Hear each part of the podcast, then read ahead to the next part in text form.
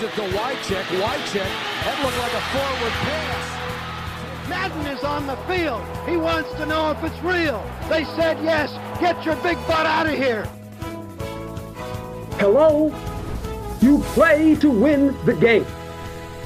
Hej och välkomna till veckans NFL med Mattias Olsson och Lasse Torman. Hur är läget Lasse?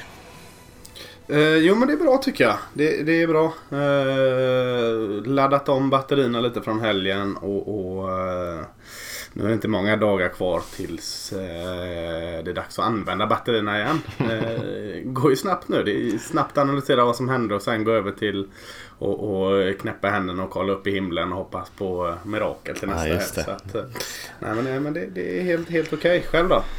Jo, det är bra förutom ja, du ju, har ju fortfarande hoppet kvar men det eh, kommer vi väl in på lite senare där. Det har inte jag. Eh, men annars är det bra. Det, är- det är lite speciellt som du säger med både lördag och söndagsmatcher också nu för tiden. Så att, eh, det gäller att man verkligen har batterierna laddade inför helgen för eh, det är lite trötta morgnar där ibland. Ja, jag hade ju ännu tuffare. eh, Lördag match, söndag match eh, och så sen måndag. Eftersom det var eh, collegefinalen på måndagen till tisdagen där. Så att Mm. Jag har precis börjat få bort de här ringarna under ögonen. Men, men vad fasiken. Det, är- det är inte så att man ska tycka synd om men det är, man, man har ett val och, och vara uppe här och se detta. Och det, det, det är ganska enkelt val när det kommer till, till krita. Ja, verkligen, verkligen. Det är roliga grejer. Det är roliga grejer. Absolut. Eh, Eh, Hur var, eh, hur var eventet förresten? Eh, För, alla, för jag som inte var där och och för alla andra som inte var där. Nej men det var jättebra tycker jag. Det, det kändes som att det rullade på väldigt bra. Folk var väldigt taggade. Eh, vi hade ju sagt från klockan 17 och matchen, första matchen började vid 19 och eh, vi visste väl inte riktigt hur tidigt folk skulle dyka upp men det kändes som att Ja, några började dyka upp redan vid halv fem och sen vid, vid halv sex, sex snåret där, då var, det, då var det väldigt mycket folk. Så att redan, eh, tror vi 20 över fem eller något sånt där, så började jag och, och Olof i redaktionen gå runt och hälsa lite på folk och då, då kändes det som att vi nästan hade börjat fylla två våningar. Så att det, Eh, det, det var mycket folk, det var trevligt, alla var på gott humör. Eh, kunde kanske haft lite mer touchdowns och, och eh, offensiva fyrverkerier i matcherna där i början. Men, Inte så eh, mycket vi kan på eller ni kan påverka det där med, eh, med själva eventet. Men maten Nej. funkade också. Ja, ja, buffén tyckte jag var grym. Jag, jag hörde bara Mm. positiva saker från de flesta om, om allting. Quizet eh, verkade väldigt uppskattat. Och, och, eh, Vem vann quizet då? Ja, det, jag kan ju bara liksom eh, nicket som han använde när vi körde. Det var en, en bubba, men jag vet faktiskt inte personens riktiga namn. Men, eh, men det var många som hade många rätt där faktiskt ändå. Eh, Det var ju så när man skulle svara snabbt också så fick man liksom ännu mer poäng. Ja, okej. det Var det känns som några bu- burop när ni gick runt och hälsade? Boo! Nej, det kanske var för att du inte var där möjligtvis då. Ja, det var därför jag höll mig borta. Mitt eh, bräckliga ego klarar inte av att någon ifrågasätter vad jag tycker och tänker. Ja, det är bra. Skö- Skört ego, vill inte bli konfronterad Ja. på något sätt. Nej, verkligen inte. Nej, men det var faktiskt många som sa det att de, hade, de lyssnade på podden, de kände igen min röst när jag var runt och pratade och frågade, så frågade de vad du var, några stycken också. Och så, där. så det är ju kul. Det kändes som att många som eh, faktiskt eh, tunar in och lyssnar på oss här också som var på plats, vilket är extra roligt. Ja, men det är jätteroligt. Och jag ska eh, se det som ett hot eller ett löfte. Men nästa gång vi gör dags så eh, garanterar jag att vara på plats. Sen får ni tolka det precis som ni själva vill. NFL Supporters mingelkung Lasse Thorman måste ju liksom vara på plats. Ja, det, det, det återstår att se som sagt. Men, men eh, ja, det vill jag inte missa i alla fall. Nej, nej.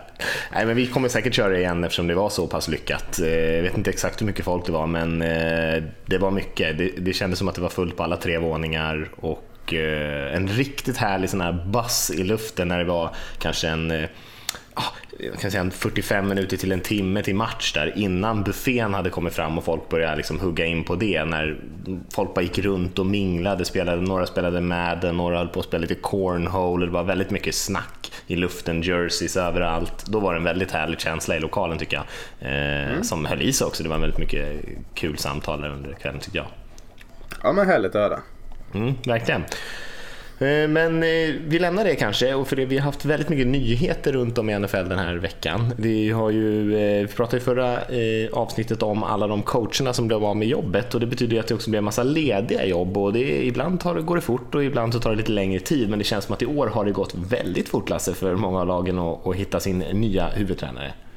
Verkligen. Och, och, eh, som du säger, en del som blir av med sitt jobb har redan ett nytt jobb här. Mm. Så att, eh, eh eller i alla fall en. Men, men eh, ja, det är snabbt. Det är bara två platser kvar att fylla. Om vi inte har så här helt nonchalant bara glömt ett lag så är det väl bara Miami Dolphins och Cincinnati Bengals som inte är, är hundra klara än mm. Ja, så är det. Ja, och även de har ju vi, gått om intervjuer uppradade och sådär så att de verkar ju vara på gång de också. Mm. Vilken ända av snöret ska vi börja egentligen? Ska vi börja med de eh, som inte har något eller ska vi börja med vilka tränare eller lag? Eller... Du styr det skeppet så hakar jag på helt enkelt vi börjar prata coacher.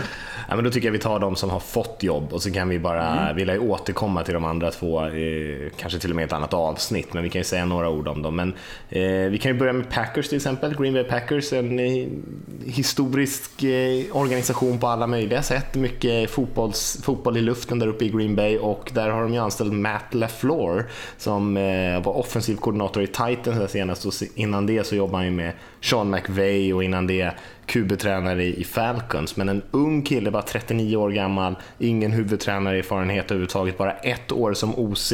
Och Packers går ju verkligen från den kanske trygga, rutinerade Mike McCarthy till en, ett helt oprövat kort egentligen, där man försöker hitta en kille som har lite mer kreativa tankar kring anfallsspelet, men i övrigt ganska mycket ett wildcard egentligen. Var han inte OC i Rams förra året? Vem var det? Han var OC i Rams året innan men han kallade ju inte spel då för det gör ju McVay. Nej, nej, nej ju... men, men uh, han har lite med så Falcons och Notre Dame och, och QB-coach i bort. Alltså han har haft QB-coachroller sedan 2010 jag menar och är bara 39 år gammal så det är ganska imponerande om mm. Jag vet inte så mycket om Matt LeFleur mer än eh, att han inte har direkt lyft på ögonbrynen med vad han har gjort i, i Titans tycker jag inte. Jag, jag, jag tycker som spelare han han representerat jävligt fräcka lag.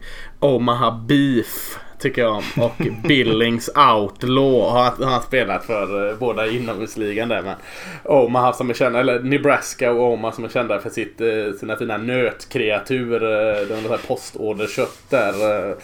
Omaha Beef. Fasken när jag var i Omaha. Jag ångrar att jag inte köpte en sån tröja. Det hade varit skitfräckt. Ja. Eh, men, men eh, fräcka lag i inomhusligan har spelat för. Eh, gjorde väl ett okej okay lag med Titans men det var inte så liksom wow. Eh, känns mer som liksom lag spinner vidare på den här ung och fräsch med nya konceptvågen eh, när det kommer till tränare än något annat. Mm, jag håller med dig. Nej, det är som du säger, man vet inte så mycket om han och det är svårt att säga varken bu eller bä egentligen. Det man vet är att han har inte jättemycket erfarenhet av att ha den här typen av roll i alla fall som huvudtränare. Sen har han jobbat mycket med anfall, mycket med quarterback som du säger, jobbat med väldigt mycket duktiga tränare, både med, Mike och Kyle Shanahan, både med Sean McVay, eh, ett, ett helt gäng andra väldigt duktiga offensiva eh, eller duktiga erfarna offensiva coacher som han har eh, haft kontakt med och jobbat med och lärt av och kanske samarbetat med. Men eh, Ja, vi får se. Det är, ja. det är, som sagt mycket, mycket frågetecken kring honom. Jag såg presskonferensen också och han såg, skulle jag säga, inte så van ut i den situationen. Lite nervös, eh, ja, snubblade lite på orden och, och kändes nästan lite överväldigad där. Men eh, det betyder inte att han inte kommer vara, vara en bra tränare. Men han har nog mycket att, att vänja sig vid innan det eh, är action på riktigt. Det är ändå några månader till säsongen börjar. Mm, jag, jag är svag för eh, någon form av, kalla det sympatiska första intryck. Eh, sen om det är vad man ska se en tränare eller inte. Men, men jag gillar det. Jag såg också en presskonferens och jag tycker det var nästan lite charmigt. Ja. Uh, men, men, som du säger, de här tränarna han har gått under eller gått bredvid eller gått med, hur man väljer att säga det. Det är nog där Green Bay kanske ringade in det här när man, man såg jakten. Inte kanske att han har, vad han har gjort som ett år som offensiv koordinator i Titans. Det tror jag inte är grejen. Utan det är nog vad han liksom har gått i för skola, vilka han har gått bredvid. Så, så som eh, lockade dem lite. Mm.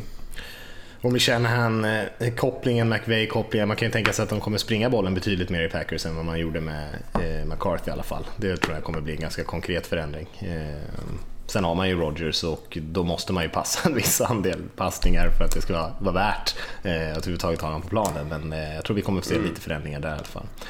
Om vi hoppar mm. vidare till en helt annan riktning då. Om vi tar en, det var en ung mm. offensiv coach. Nu kan vi prata om en gammal defensiv coach. Vic Fangio som har varit lite överallt nu senast i Bears de senaste åren och innan dess i 49ers med det försvaret. Eh, går nu till Denver Broncos där han tar huvudtränarjobbet och eh, Gary Kubiak kommer in och ska köra offensiven där. Så det är en eh, väldigt rutinerad stab helt plötsligt. Mm, jag säger alltid Fanaggio. Jag vet inte vad det är. Jag, jag hör ju hans namn utan Fanaggio. Namn, alltså, det... Fanaggio. Jag vet inte. Det låter uh, Italian American. Jag vet inte om det är det. Med.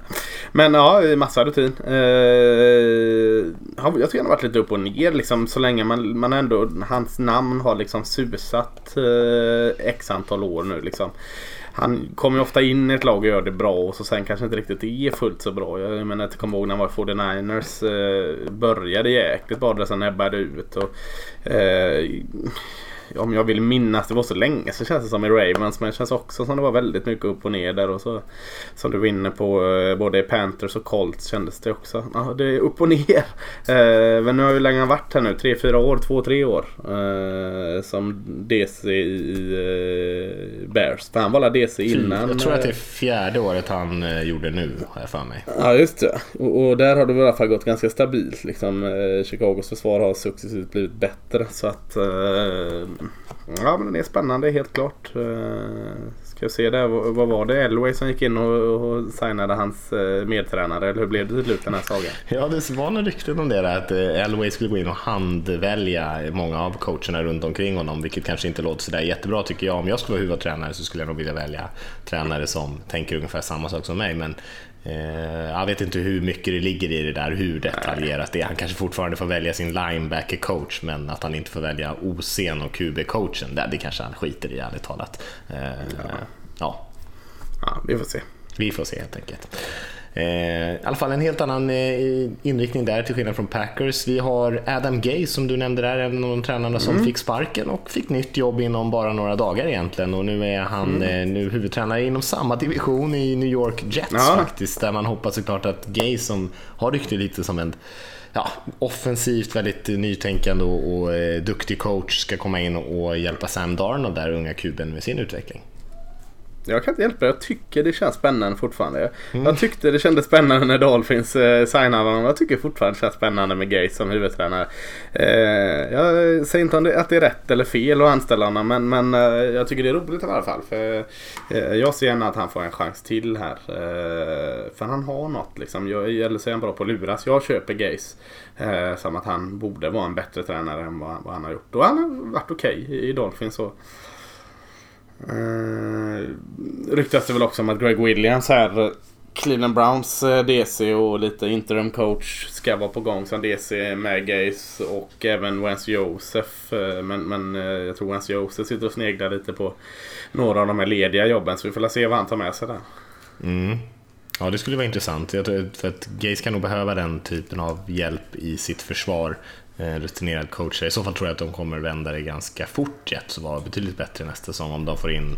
Greg Williams har ju också sånt rykte att han Eh, första åren när han kommer in i ett nytt lag så, är det, så lyfter de sig väldigt mycket och sen så kanske ja. det planar ut lite grann. Men det gör ju inte så mycket om det är bara är en defensiv koordinator. De kan man ju alltid byta ut efter två, tre år. Men Adam Gaze, jag håller med dig, det är kul att han får en till chans. Jag tycker han är värd det också. Det finns många andra problem med Miami Dolphins organisation som vi pratade om förra gången. Ägaren som är nere och pillar i detaljerna. Man har haft eh, sparka general manager, anställt eh, team presidents och bytt ut spelare i sin liksom, övriga organisation runt omkring Gays hela tiden och har hållit på så länge. Så att eh, det kanske inte bara var Gays fel att man inte riktigt lyfte där.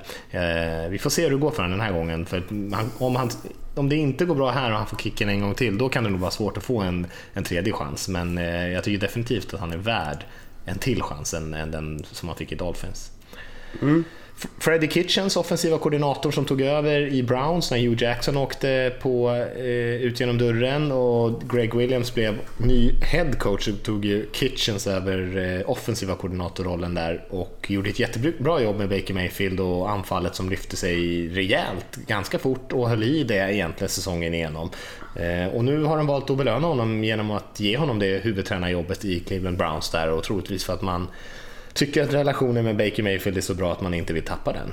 Eh, men också ett ganska oprövat kort när det gäller headcoach-erfarenhet, för han var ju nere till och med att vara QB-tränare, sen blev han helt plötsligt befordrad till OC och nu är han helt plötsligt befordrad till HC. Så han, eh, jag tror inte att Kitchens i sina vildaste drömmar kunde tro att han helt plötsligt skulle stå som headcoach för ett NFL-lag för kanske bara något år sedan. Nej, den var oväntad. Relativt ung också. Han har varit många positionscoacher. Jag tror han både varit en running back och QB-coach tidigare. Mm. Eh, och OC här nu. Så att han har ju testat. Han är ju bred så sett känns det som. Eh, coachat kort under både Nick Saban när han var i LSU och Bill Parcells när, han var, när Parcells var i Dallas. Men annars är väl längst erfarenhet under Bruce Arians. Eh, för Kitchens var ju i Arizona Cardinals här innan han kom till Cleveland. Så att, eh, han kommer kanske mest då från Bruce Arians-skolan om man, ska, om man ska gå på det spåret. Mm. Och vi kan ju hoppa vidare på den eh, fina övergången du gjorde där. För Bruce Arians som gick upp och började kommentera matcher helt plötsligt, vilket jag tycker han gjorde mm. sådär, var kanske inte sådär karismatisk ja. som många hade hoppats på. Eh, lite sömnig där i båset. Kanske insåg att nej, fan jag saknar coachlivet och har ju slängt ut sin hatt i ringen och sagt att han, det där jobbet kan jag tänka mig att ta, det där jobbet kan jag tänka mm. mig att ta. Och han hamnar ju nu i Tampa Bay Buccaneers där han ska försöka frälsa James Winstons karriär och få det laget laget upp på fötterna igen. Men kanske inget jättelätt jobb att, att ta över det där Buccaneers-jobbet tycker jag. Men Arians, eh, han har erfarenhet i alla fall. Han har varit med länge. Mm, två huvudtränare som går in där. Han tar med sig Todd Bowles, eh, mm. sparkade Jets-coachen som defensiv-koordinator. Eh, som var med honom i Cardinals också tror jag Precis, jag vet inte om han får stå för någon ungdomlig entusiasm där. Bruce Arians har väl ungdomlig entusiasm trots att han är 66 år. Ja, andra Todd sidan. Bowles och entusiasm vet jag inte Nej, då, då är det nog Arians trots eh, hans ålder. Ja, eh, ja, men det känns väl bra tycker jag. Alltså, ordning, ordning på torpet eller, vad man, eller man säger. Eh, känns som det kanske är precis det här Tampa Bay behöver. Eh, jag tyckte han kändes bra. Alltså Arians och Bowles, den kombinationen tycker jag känns spännande ändå. Den, den funkade ju bevisligen i Arizona. Eh, så mm, kanske, varför inte? Mm. Mm. Eh, och nu blir det sådär igen att vi hamnar från en, en, en extrem till den andra. För att eh, Cardinals då, Bruce Arians gamla gäng, har ju anställt mm. Cliff Kingsbury. Vilka överhopp vi gör, eller vilka övergångar. Ja, övergångar. Ja. Cliff Kingsbury som eh, kom från collegevärlden. Jag vet faktiskt inte ens exakt vilket college han coachade nu här senast. Han Nej, och det förstår jag för att det är lite lurigt. Han, han coachade dit. förra året eh, Texas Tech har han coachat x antal år här nu. Mm. Eh, fick kicken av Texas Tech och mm. snabbt som ögat högg USC, eh, Trojans, eh, LA-skolan och anställde honom som offensiv koordinator. Eh, det var han en månad sen så eh, ringde Cardinals och ville intervjua honom och de var nöjda vad de såg. Och, 39-årige eh, Cliff Kingsbury är nu ny huvudtränare i Cardinals. Så att, lite underlig resa liksom. Få kicken av sitt collegelag. Eh, Texas Tech är inget dåligt collegelag på något sätt men det är inget av de här powerhousen. Så att få kicken av en, inte mindre men en, inte en av de stora skolorna och sen få jobbet som huvudtränare i NFL. Det, det känns lite skevt.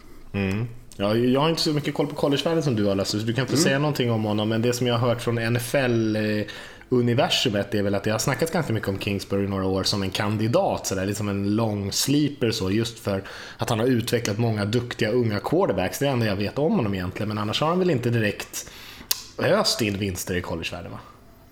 Nej, det, men det är lite så här, det är, det är, kon, det är college är konstigt ibland och, och Texas Tech eh, kanske är ett eh, vandrande levande bevis på det. Liksom. För att, för att eh, han är offensivt inriktad såklart. Han har utvecklat Paddy Mahomes, Davis Webb, Baker Mayfield och nu eh, Nick Shimonek, eh, Bowman som är grym nu. Han var även i Texas A&M innan. Jag tror det var på Johnny Mansell-tiden. Det kan vara tidigare än så. Det var säkerligen tidigare än så, så skit i det.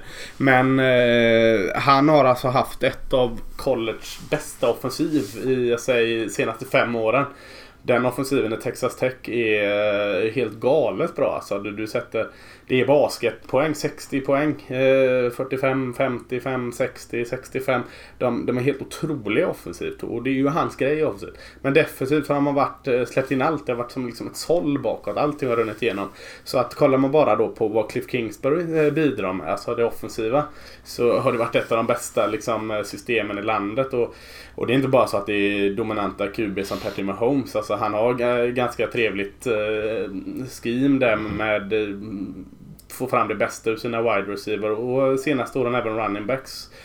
Och innan dess så var det Lowland som var bra. Så att offensiven har funkat skitbra. Eh, sen kom ju också, eh, innan Cliff Kingsbury var Mike Leach i Texas Tech. Men nu, nu går jag på sidospår. Så att den har varit ganska offensivt dominant, eh, det programmet, ganska länge där. Men, men eh, det är en jättespännande investering. Och, och det är väl lite också som med Matt LeFleur till Green Bay. Att, att de kollar på det Sean McWay och känner han och, och, och ungtupparna här som nu har, har gjort bra resultat eh, offensivt lagda och relationer med quarterback. Som att man liksom ringar in detta. För, för där är han. Eh, där är han eh, skulle säga att han är elit offensivt och framförallt med relationen med quarterbacks eh, är det många, inte många som slår honom på näsan. Sen, eh, sen vet jag inte. Alltså i NFL kanske man har enklare att få in en bra defensiv koordinator som styr det bättre än vad det var i Texas Tech. Han kanske inte ska blanda sig i det alls, vad vet jag. Men, men rent offensivt så är det en av de absolut främsta i college de senaste fem åren. Mm. Han känns som att han skulle behöva få in en väldigt erfaren defensiv koordinator som kanske till och med varit mm. headcoach någonstans i, i i ja, men det känns verkligen så. Och uh, kanske så de jobbar, vad vet jag. Eh, kul också med Cliff Kingsbury. Han var ju också quarterback i Texas Tech. Eh, jättebra. Var backup för x antal NFL. Och han har spelat i Köln också i Tyskland. Så han, han har en liten Europakoppling eh, också. Så det kan vi heja lite extra på. Mm. Och när du säger det så tittar jag på namnen här och tänker Matt LeFleur, Vic Fangio, Adam Gaze, Freddie Kitchens, Bruce Arians, Cliff Kingsbury. Och tänker jag väl ändå, är det inte fem före detta quarterbacks bland de sex? Va? Det är väl bara Fangio som inte... LaFleur vet jag han har spelat QB. Du pratade om hans inomhusliga mm, karriär. Omaha Beef var han QB. Kitchens ja. är ju gammal Alabama quarterback vet jag. Ja. Eh, Gaze är rätt säker på att han var inte QB. Nej, Fangio var inte QB. Men, men Kingsbury ja. nämnde du där. Arians och Gaze ja. tror jag ändå är gamla quarterbacks. Vill jag säga. Ja, där kanske, man får, där kanske man får googla. Ja, jag tror det. Men jag kanske inbillar ja. mig. Men det är väldigt, i alla fall väldigt många quarterbacks som, som har blivit headcoaches den här gången om. Och, eh, och som eh, du har nämnt flera gånger här, väldigt många offensiva tränare också. Vi mm. kanske ska nämna här att eh, Cincinnati Bengals och Miami Dolphins är de som fortfarande letar efter coacher och jag vet inte om det finns någonting. Bengals har ju pratat ganska mycket om eh, vilka, att de intervjuar många av de coacherna som finns internt redan, inte minst Hugh Jack som blev ju en story när det visade sig att han skulle få chansen att intervjua för det headcoach-jobbet, vilket var, skulle vara en fascinerande eh, val om det landar på honom. Och Dolphins har ju varit runt lite överallt, men bland annat letat lite ute i collegevärlden också vet jag. Eh, men jag har inte hört några riktigt tydliga ledare där direkt. Nej. Viskas ju med allt högre kan man säga att det viskas högre. Det kanske man kan. ja, eh, om om eh, Chris Richard här som vi nämnde förra veckan. Just eh, Han är ju värd ett eh, coachjobb tycker jag. Ja, eh, def co-defensiv koordinator kanske man kan kalla det. Secondary coach eller vad man vill kalla det i, i Dallas Cowboys. Eh, hans första år som det och stor del i det här Legend of Boom i Seattle. Ung, eh, karismatisk, eh, energifull och känns som en jäkligt eh, nytänkande tränare. En nytänkande defensiv tränare. För väldigt många av de här nytänkande tränarna är ju på den offensiva sidan av, av fotbollen. Så trots att jag såklart vill se att han stannar i Cowboys så har det varit väldigt roligt att se den här nytänkande def på defensiva sidan av bollen. Så att eh, eh det hade varit roligt att se vad han kunde, kunde göra. Jag håller med. Jag var tvungen att kolla upp de här spelarna. Gaze har ju inte spelat quarterback, men Arians har gjort det. Arians har mm. gjort det. Eh, så att fyra av sex har vi i alla fall på QB. Har ens spelat fotboll? Kan det vara en fråga? Jag, Nej, han har i, faktiskt i, inte det. Han är ganska ung så man borde ju minnas de här som uh, att de var fan något fotboll. Men han hade inte det alltså? Nej, han gick direkt in. Nej. Han kanske har spelat liksom Pee-Wees där, men han gick in ja, direkt som en undergrad coach i college. Ah, okay. Så att han hade ingen college-fotbollskarriär överhuvudtaget. Han kan ju ha spelat i high school, det kan man ju tro. Och där kan ju han ha spelat QB. Ja, det kan han ju såklart ha gjort. Ah, så du menar att det finns det. en chans att jag har rätt? Det finns en chans, ja. Rädda min heder. Gå, gå till botten med detta.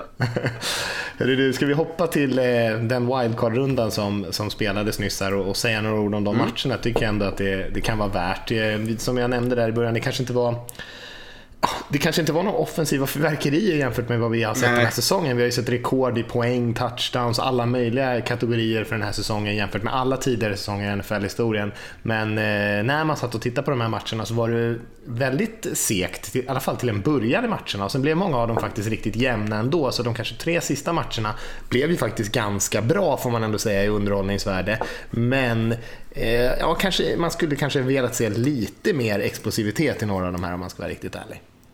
Ja, jag håller med dig. Alltså, eh, det var både fegt och slarvigt offensivt. Ska säga. En kombination mm. här. Det var, det var ingen gasen i botten här. Och, och när de väl försökte gasa så eh, tappade, glömde de att ta med sig bollen i farten. Så att, eh, nej, det, det var, var ingen, ingen bra vecka för offensiven att liksom slå sig för bröstet. Nej. Äh, alls tycker jag. Och det började ju på sämsta sätt tycker jag. Alltså, i, med, med Houston Texas som verkligen vek ner sig när det betydde som mest. Eh, och sa ju det lite innan, eller veckan innan att det kändes som Texas kanske hade pikat lite för tidigt. Och, och det kändes verkligen som de hade pikat lite för tidigt. För, för de, de var ju inte med i det alls. Nej. Eh, Nej, jag, jag, försvaret gjorde vad de kunde. Jag tycker försvaret spelar bra. Texans ja. försvar spelar bra. Höll Karls till 21 poäng. Det, det är bra. Eh, men då måste man få någon form av hjälp eh, från offensiven. Och det Sean Watson gjorde kanske vad han kunde. Han kanske kunde begärt lite mer av honom. Men jag tycker inte heller han ska lastas för det. Utan han kände som också att det var lite trögt i coaching. Alltså att eh, de hade ingen riktig plan på hur de skulle liksom ta sig an den här matchen.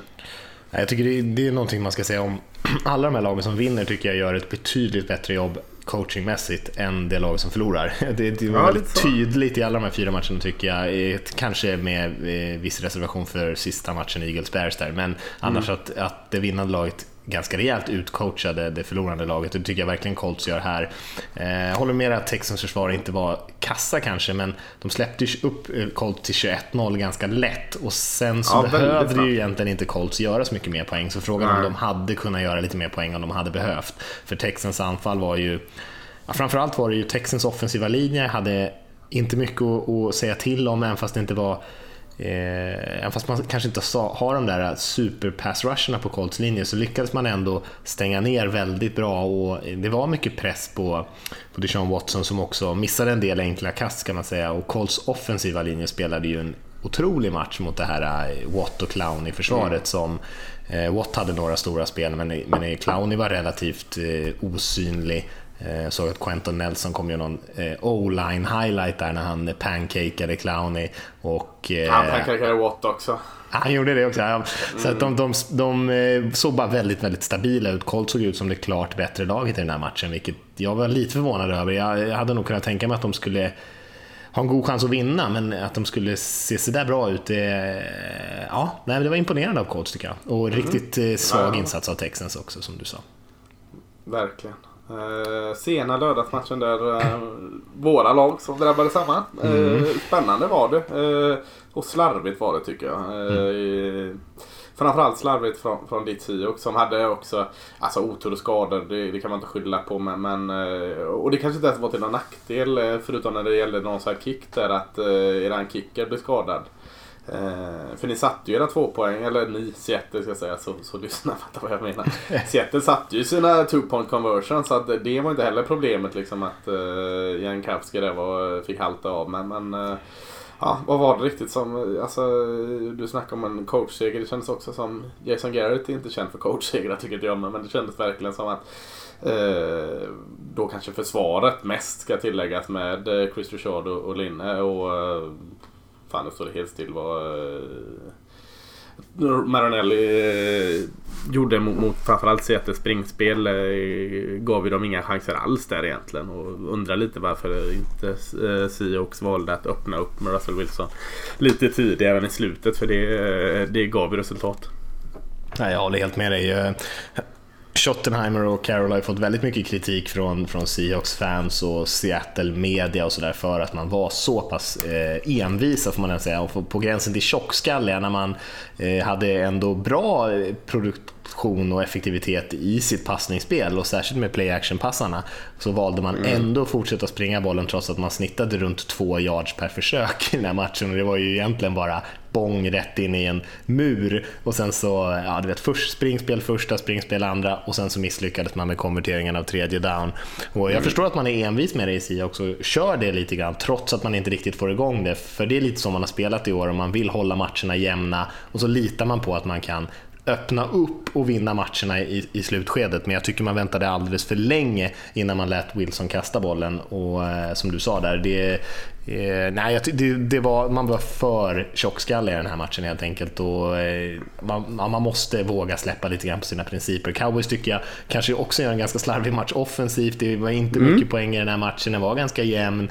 Eh, men Dak Prescott plockar upp en tredje och 14 med två minuter kvar med benen, om det inte var tredje och 15, eh, nere i, red zone och i stort sett döda matchen. För plockar inte han upp den där, då har ändå Si också en chans att driva för att mm. hålla den här matchen vid liv. Men, eh, men han eh, fixar ju det.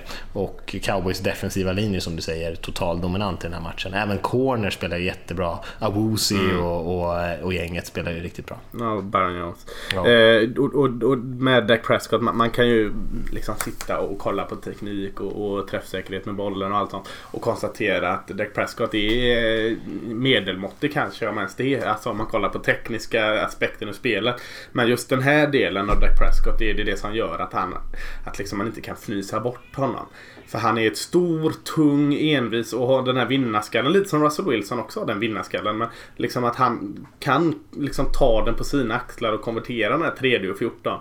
Det är liksom det som gör att man liksom inte kan bara stryka Dak Prescott. För visst ska du ställa upp bara på någon form av Pro Bowl-tävling och kasta bollar genom ett bildäck så hade det antagligen Dak Prescott aldrig kommit över topp 20 av quarterbacks. Men det är, ju, det är ju sådana här som gör att man inte bara kan kolla på teknik och, och, och armstyrka och sådant utan eh, det finns andra aspekter även i en QBs eh, portfölj. Mm. Ja, men jag håller helt med dig. Jag håller helt med dig. Mm. Och eh, så ska man inte, man glömmer alltid bort Ezekiel Elliot för att han är bra i typ varje match han har spelat sedan han blev proffs. Men han var ju också mm. en, eh, enorm i den här matchen, som han alltid är. Eh, och eh, ja, jag ska bara nämna honom där. Han var, han var precis lika bra som han alltid är. Eh, men det betyder inte att man ska mm. skippa och säga det. För att, eh, han är ju såklart Nej. super, super viktig för cowboys. Vi får se lite grann hur det går i de här kommande rundorna. Jag tycker varken Seahawks eller cowboys imponerade kanske, men jag tycker inte heller att de såg Nej. ut som två dåliga lag. Jag tycker de såg ut som två ganska jämna lag som kanske hade lite svårt att flytta bollen. Men eh, jag tycker absolut mm. inte det såg ut som att, att cowboys kommer bli något strykgäng i, sista, i an, an, nästa runda här. Utan eh, jag tycker att man såg stabilt ut. Det var många bra saker för sig som, som man gör väldigt bra. Om vi hoppar till eh, söndagsmatchen där då, första matchen som, som vi såg där på O'Learys, som fick kanske en lite seg start minst sagt, det var ju Chargers-Ravens där Ravens vann ganska bekvämt förra gången. Och jag hade nog trott att de skulle kanske vara lite svettigare men ändå vinna den här matchen. Men man kom ju ingenstans. Och här kanske var den tydligaste coachsegern av alla tycker jag, när Chargers går in med en helt annan filosofi än vad man gjorde i senaste matchen och spelar eh, mängder av defensive backs på planen bara för att få, få in fler snabba spelare på plan och inte låta Ravens komma ut och springa på sidorna och sådär. Eh, och verkligen väldigt effektivt stänger ner Ravens springspel så att det enda sättet egentligen man kan flytta bollen är att kasta med Lamar eh, och man har inte riktigt varken spelarna omkring honom och han har inte kommit riktigt så långt i sin utveckling heller att han kan slå ett lag på det sättet. Så Chargers vinner den här matchen trots att man inte spelar så bra anfall just för att man totalt dominerar med sitt försvar.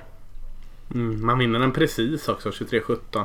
Jag tycker eh, Chargers kändes betydligt bättre. Och jag, mm. som du säger, det här var verkligen en coachseger. Bland de tydligaste jag har sett eh, på ganska länge. Alltså jäklar vad imponerande. Eh, att man kan, att, att ha kommit fram till det. För jag tror jag satt och sa eh, veckan innan den här wildcard-rundan att hade jag varit Chargers så hade jag stackat eller fyllt boxen med eh, linebackers och, och D-line. Eh, och det hade kanske inte gått. Då hade de varit för tunga slöa för att, att, att fånga eh, Lamar Jackson.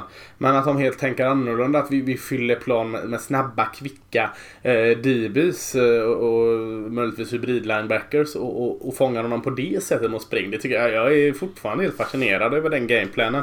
Nu eh, är jag långt från, från att vara en defensiv koordinator och, så det kanske är enklare att se än vad jag ser det. Men eh, jag hade inte gameplanat så och eh, antagligen åkt på stryk. Och, och jag inte mållös i en jäkla överdrift men eh, wow vad imponerande jag tyckte det var att de, de kom ut med den gameplanen och hur den funkar. Ja, och Ravens har ju sprungit rätt över några av de bästa eh, lagen och coacherna i NFL. Och så att eh, det är ju inte alla som har kommit på det här receptet direkt. Eh, så att all cred till Chargers. Och, ja, man ska ju säga det också om Chargers som har haft alla sina kickerproblem, inte kunnat avgöra i, matcher och, och torskat liksom, på det sättet. Deras kicker och Badgley satte ju fem field goal mm. i den här mm. matchen och, och var ju ultrastabil. Och såklart, annars hade man ja, kanske verkligen. inte lyckats hålla dem eh, borta faktiskt. Ravens kom ju fatt lite där i slutet, även fast det aldrig riktigt kändes som att de skulle vinna. Men, eh, men de kom där jagandes ändå. Mm. Ja, sena i söndagsmatchen så eh, har vi en match med ett otroligt slut där egentligen. Eagles, Philadelphia Eagles spelar mot Chicago Bears eh, i Chicago.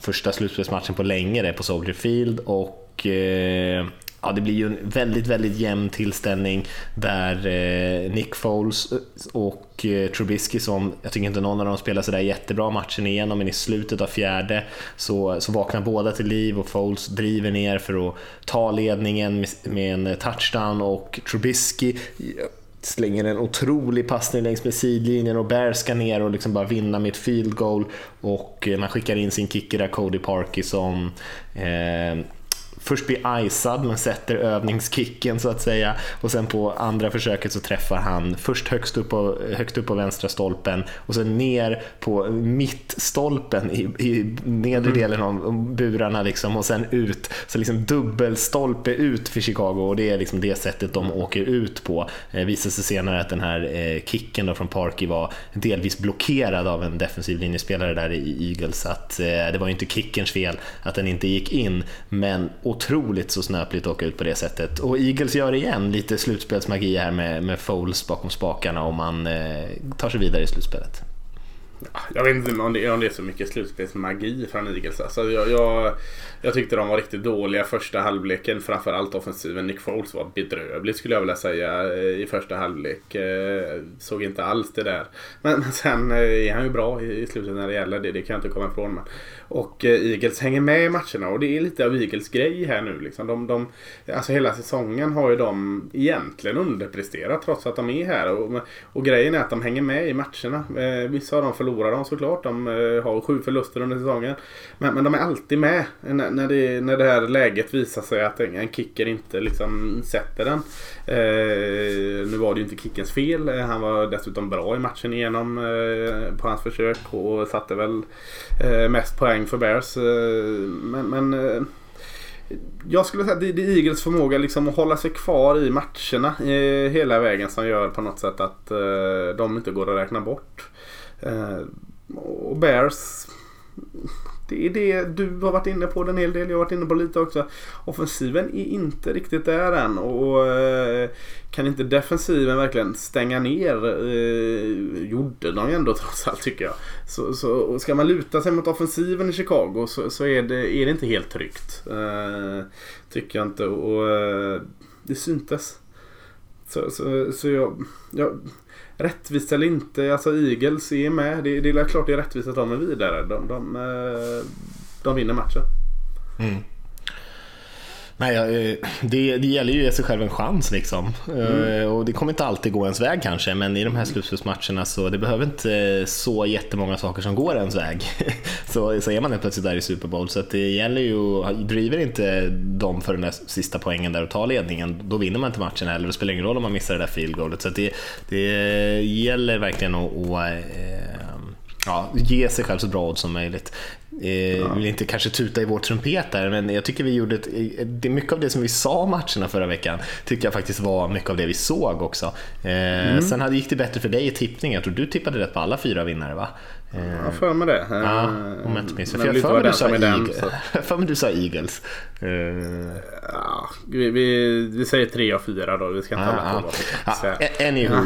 Men det är mycket av det som vi sa liksom skulle kännetecknar matcherna tycker jag ändå vi var inne på. Samma sak här med Trubisky, jag tror vi sa det om Lamar också, att liksom det, det är ju det som är kanske deras svaghet i de här två lagen, att just att passa bollen när man verkligen måste passa bollen. Och nu gjorde Trubisky några fina passningar i slutet på matchen, men han eh, i övrigt så var han ju långt ifrån tillräckligt bra. och Det kan man mm. säga om Lamar också tycker jag.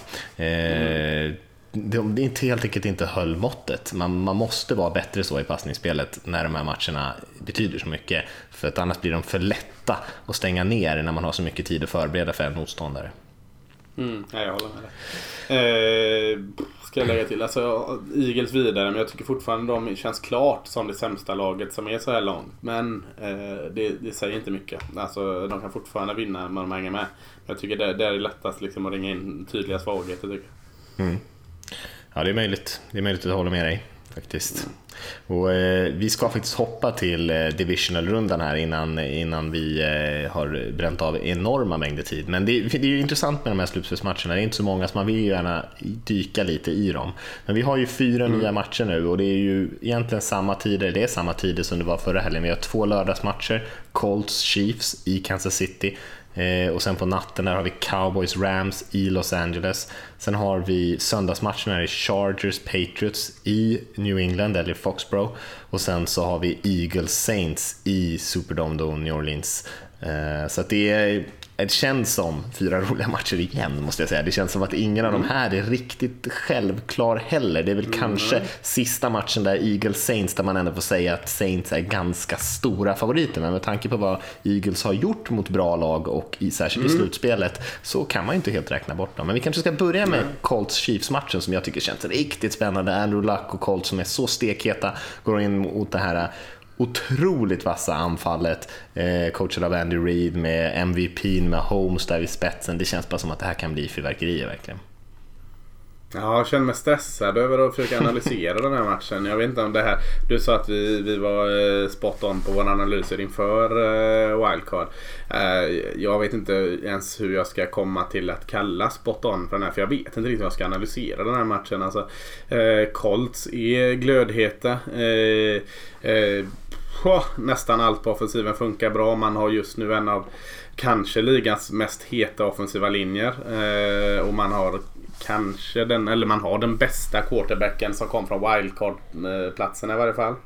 Eh, och så har du Chiefs då. Som eh, vi har pratat om hela året, hur jäkla laddade de är offensivt. Mm. Vad, Nej, vad, vad, går man från där menar Nej, men jag, jag, tror det är svårt. Jag tror, att, jag tror båda de här lagen kommer kunna göra ganska mycket poäng. Eh, men samtidigt, för Chiefs, de gångerna de vinner mot andra bra lag som kan liksom hänga med dem lite grann på poängtavlan, det är ju när deras defensiva linjer gör några stora spel. Pratar om D Ford, kanske Chris Jones också på den defensiva linjen. Att de gör några sådana där, antingen en stor sack fumble eller stressar fram en interception eller någonting så att man kan få den där lite, lite för, eh, eh, fördelen i matcherna. För att Chiefs har också en liten förmåga att kanske göra ett och annat misstag i sitt anfall som kanske släpper in motståndare i matchen. Så man måste egentligen få till några där. Frågan om Colts offensiva linje kommer tillåta det eller om de kommer vara för stabila för det. Ehm, jag håller ändå Chiefs som favorit i den matchen, jag tror att de kommer vinna den. Kansas City är en stor hemmaplansfördel. Och liksom sett över hela truppen så är ju Chiefs ett bättre lag än vad Colts är egentligen, även fast man har gjort ett jättebra jobb att bygga om där i Indianapolis-laget. Men det är sista sidan mot första sidan, ja, det är i Kansas City ja, det känns bara som att de har haft en extra vecka att förbereda sig. I och för sig inte vetat vilket lag, men de har fått vila sig i form lite grann. Ja, visst, visst borde Chiefs vinna den här matchen. Mm, det borde de. det betyder inte att det kommer hända. Men de Nej, borde. ja, jag, jag håller med dig. Jag, jag håller som favorit och tror väl någonstans att de vinner. Men, men liksom att är det någon... Du var inne på där att man är lite beroende på att vi Ford och Chris Jones i spetsen måste på något sätt skaka om en offensiv lite för att... Och, eller alltså motståndarnas offensiv för att liksom ge sin egen offensiv chansen. Och kan de verkligen det? Alltså, Indianapolis Colts såg inte ut att ha några problem mot, uh, mot JJ Watt och eh, Merciless och, och, allt vad de hette i Houston. Uh, så stor chans, risk, hur du vill se det, att DeFord och Chris Jones kan bli neutraliserade i, av uh, Colts.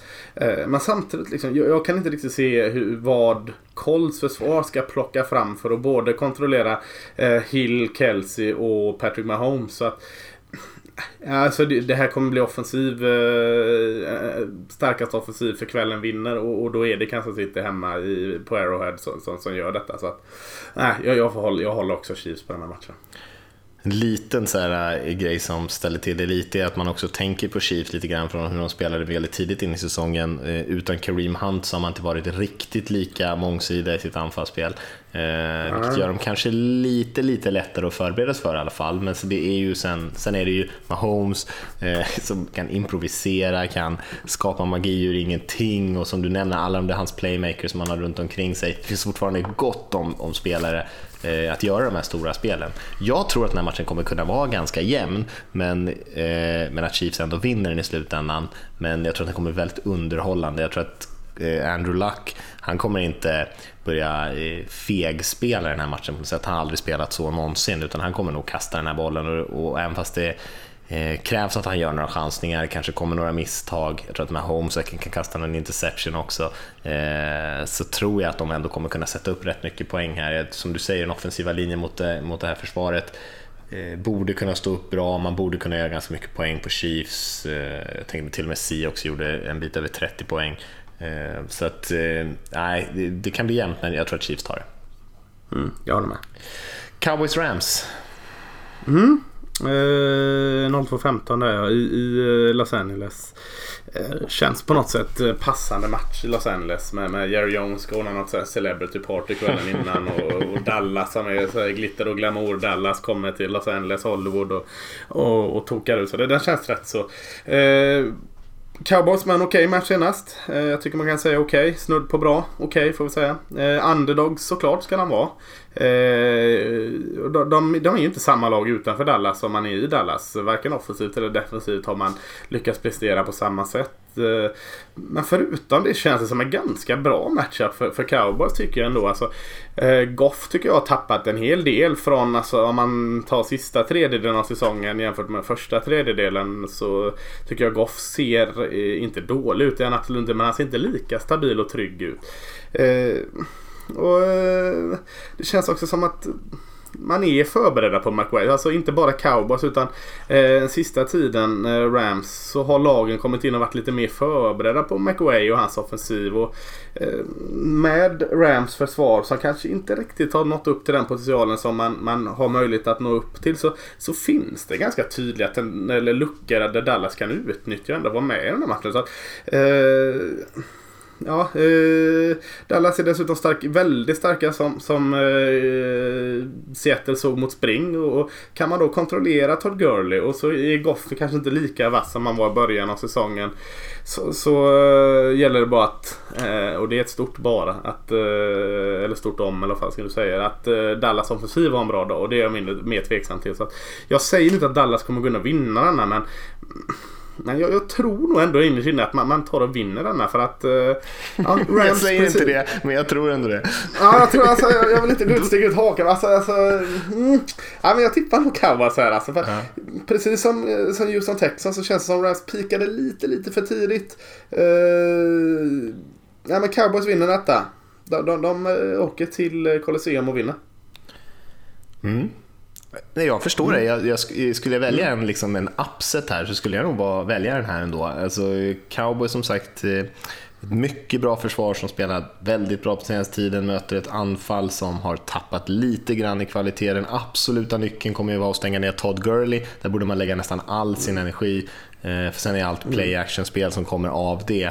Eh, är ju det som gör dem riktigt farliga när allting klickar. Jag tror att det, det är väl en fördel kanske att McVeigh har haft tid, eh, kanske medvetet inte har avslöjat sådär jättemycket de sista veckorna av säsongen här eftersom man vet att man har varit relativt klara.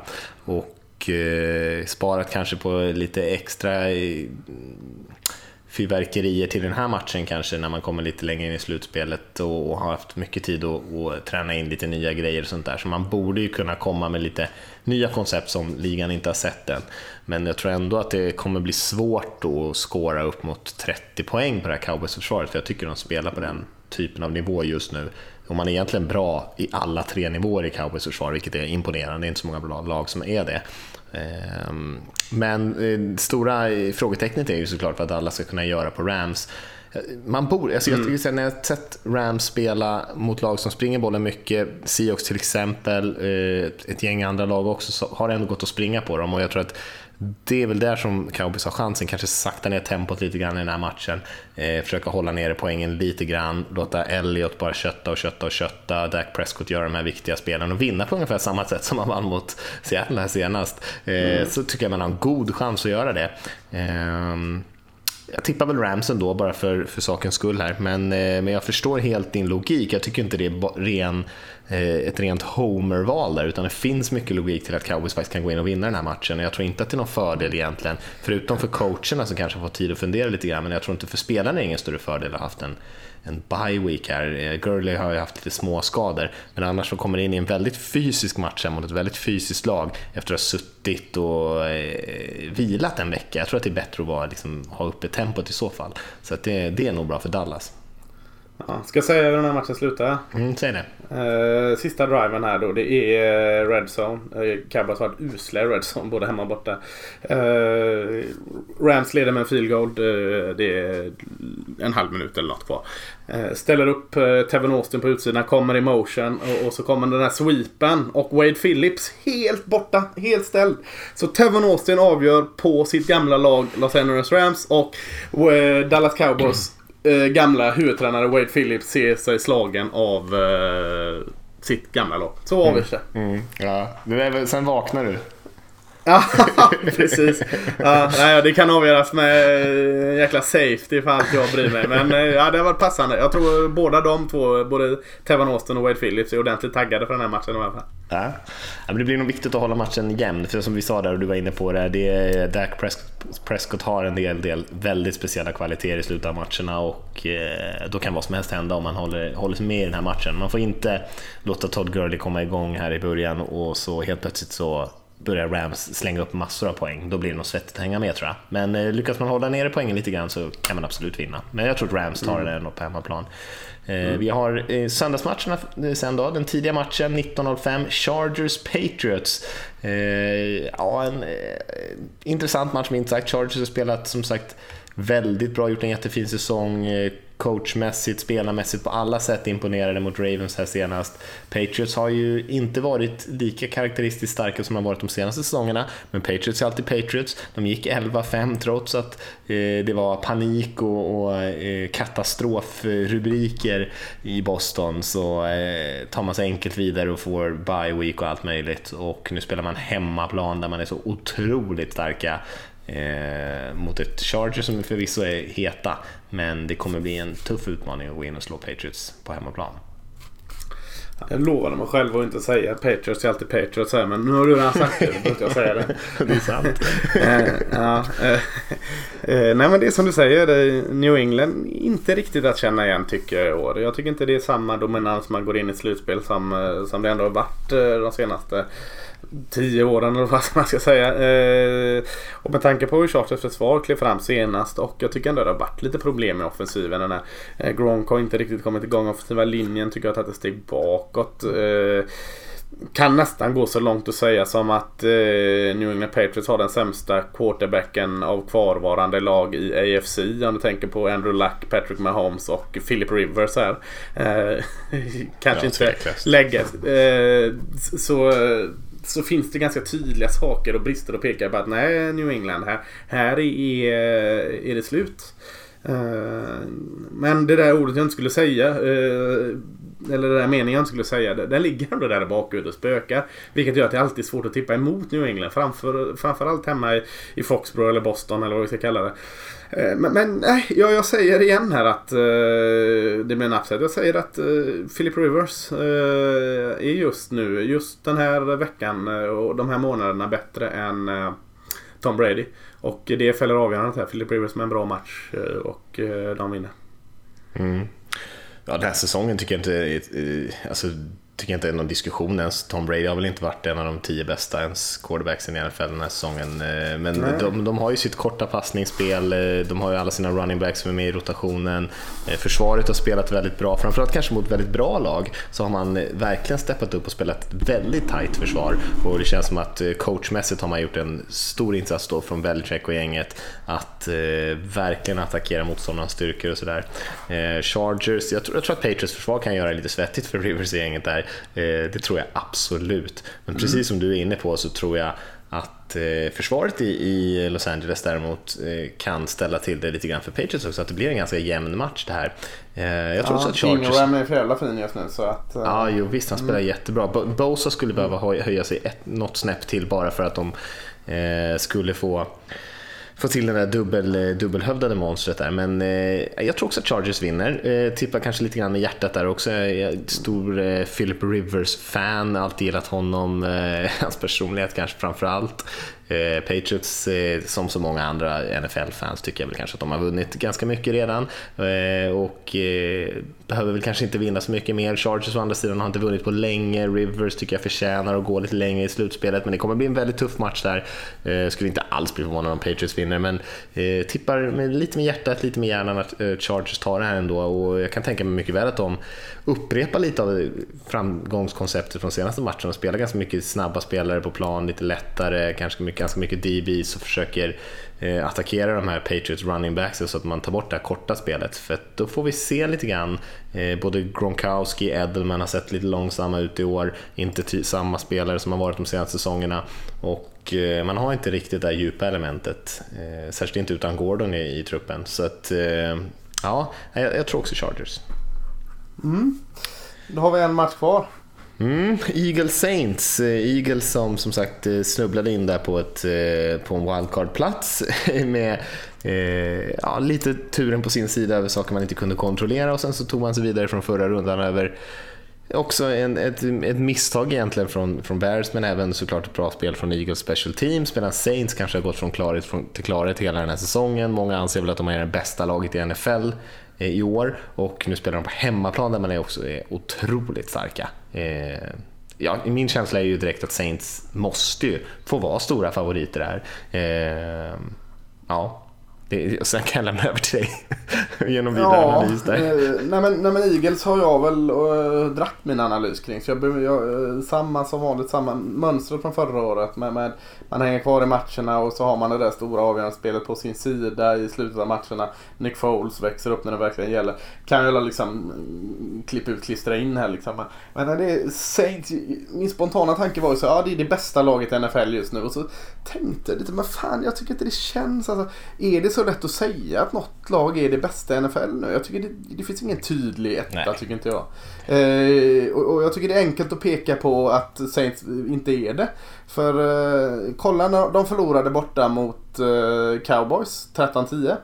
Eh, matchen efter så mötte de Buccaneers och eh, visst de vann med 28-14.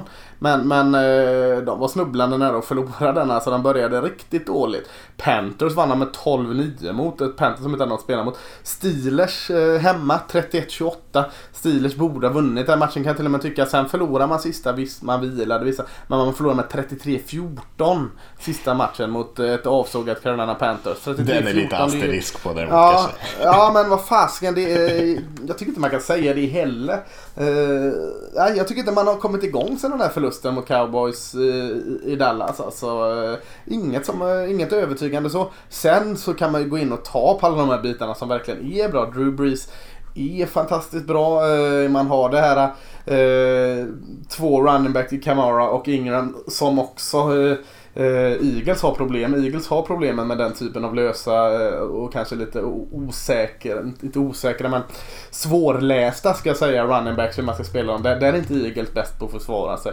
Man har den där stora spelaren i Michael Thomas att lägga ut på så, så man har ju allting i offensiven för att vara stor favorit och, och jag tycker försvaret eh, verkligen eh, lyser upp eh, eh och, och liksom gå från klarhet till klarhet. Eh, och så, så håller man nere turnovers. Det har man gjort hela säsongen. Man, man ger inte bort bollen i onödan. Och det är otroligt viktigt. Jag, tror inte, jag tycker inte man pratar om det nog. Alltså de här lagen som år ut och år in ligger långt ner i den turnover-statistiken. Det är enormt viktigt.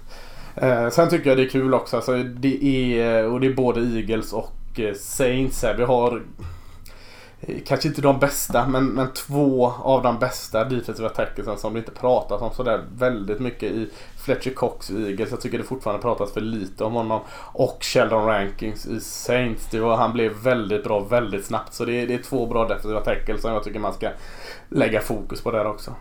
Ja, sen har de ju Cameron Jordan där också i Saints såklart mm. som är, eh, men han kanske är lite mer välkänd, har varit bra många år. Mm. Sheldon Rankins eh, kanske lite mer anonym av sig. Ja, han eh. blev så väldigt bra så väldigt snabbt Sheldon Rankins. Alltså, eh, jag tycker han har varit helt underbar att se i år. Och, och Fletcher Cox. Eh, varför pratas inte mer om honom? Eller gör det? Jag tycker han är han är alltid liksom nyckeln i uh, Eagles försvar och det är ytterst sällan. Han hade väl en säsong, var det tre säsonger sedan, han var halvbra och, och då var han ju bra. Men halvbra är hans mått mätt. Annars tycker jag alltid han är bra. Mm. Nej, och Eagles defensiva linje är ju väldigt bra. Saints är också ja. väldigt bra på båda linjerna egentligen ska man säga. Eagles är ju också lite kända för att ha haft en väldigt bra offensiv linje men kanske varit lite skakigare i år än många andra gånger. Mm. Jag tycker att Saints borde vinna den här matchen ganska bekvämt på hemmaplan. Jag tror inte att de kommer vinna den bekvämt, men jag tror att de kommer vinna den.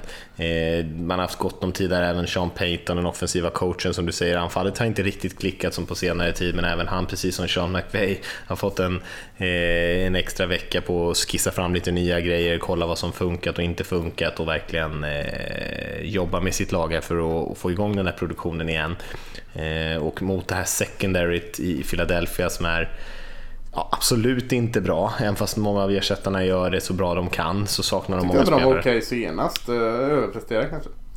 Ja, de, men då mötte de ju också Ja, men då mötte de ju också kanske ett, ett, lag som inte är så jättebra på att passa bollen. Men, Nej, men de har väldigt mycket oerfarna spelare där bak. Eh, så inte alla spelar inte dåligt, men eh, Saints passanfall med Drew Brees borde vara alldeles, alldeles för mycket att hantera för dem. Så att, nej, men jag tror att Saints vinner den här matchen och kanske vinner med 10-12 poäng där i slutändan någonstans. Jag tror att Foles kanske kan eh, försöka, försöka jaga ikapp lite grann, men att det kanske slutar, slutar med några turnovers på honom ändå när man eh, måste börja chansa lite grann. Men eh, eh Ja, nej, jag, jag har svårt att se hur Eagles ska kunna vinna den här matchen faktiskt. Annars skulle jag verkligen bli förvånad. De är inne på någon typ av rekord här av att ha vunnit eh, flest matcher i rad i slutspelet där man har räknat som underdog. Som den här underdog-grejen som de kör på där i Philadelphia. Inte bara på hit utan oh, man har de faktiskt... Älskar Ja, de älskar det. Men de har ju ja. faktiskt varit underdogs, jag tror nästan alla matcher i förra årets slutspel och även den här första. Så att, eh, och har vunnit som sagt alla de matcherna. Så att eh, det, de har faktiskt blivit borträknade förut i slutspelet och vunnit. Men jag tror att det här blir lite för mycket för dem helt enkelt. Mm. Kul kuriosa i den här matchen är att det är faktiskt första slutspelmatchen någonsin som två quarterbacks från samma high school ställs mot varandra.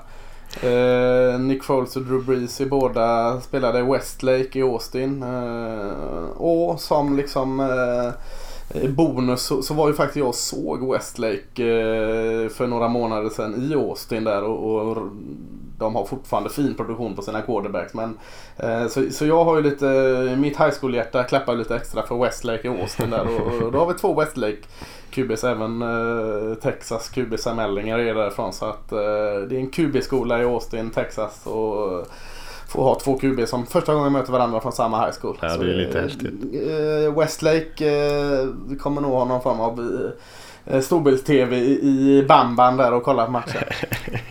Bamban. Ja, nej, det är ju faktiskt lite häftigt. Westlake Bowl där då i sista mm. slutspelsmatchen. Ja, Nej, men eh, kul, det känns som eh, fyra spännande matcher igen. Det här är ju liksom den bästa tiden på NFL-säsongen tycker jag, när det är så här, det är få matcher, man kan fokusera på alla, de flesta ser, om inte alla, så rätt många av de här matcherna i alla fall. Eh, och eh, ja, det är bara kvalitet på de flesta lagen rakt igenom. Eh, och det brukar bli ganska spännande och bra matcher också, så att, eh, och de betyder så mycket.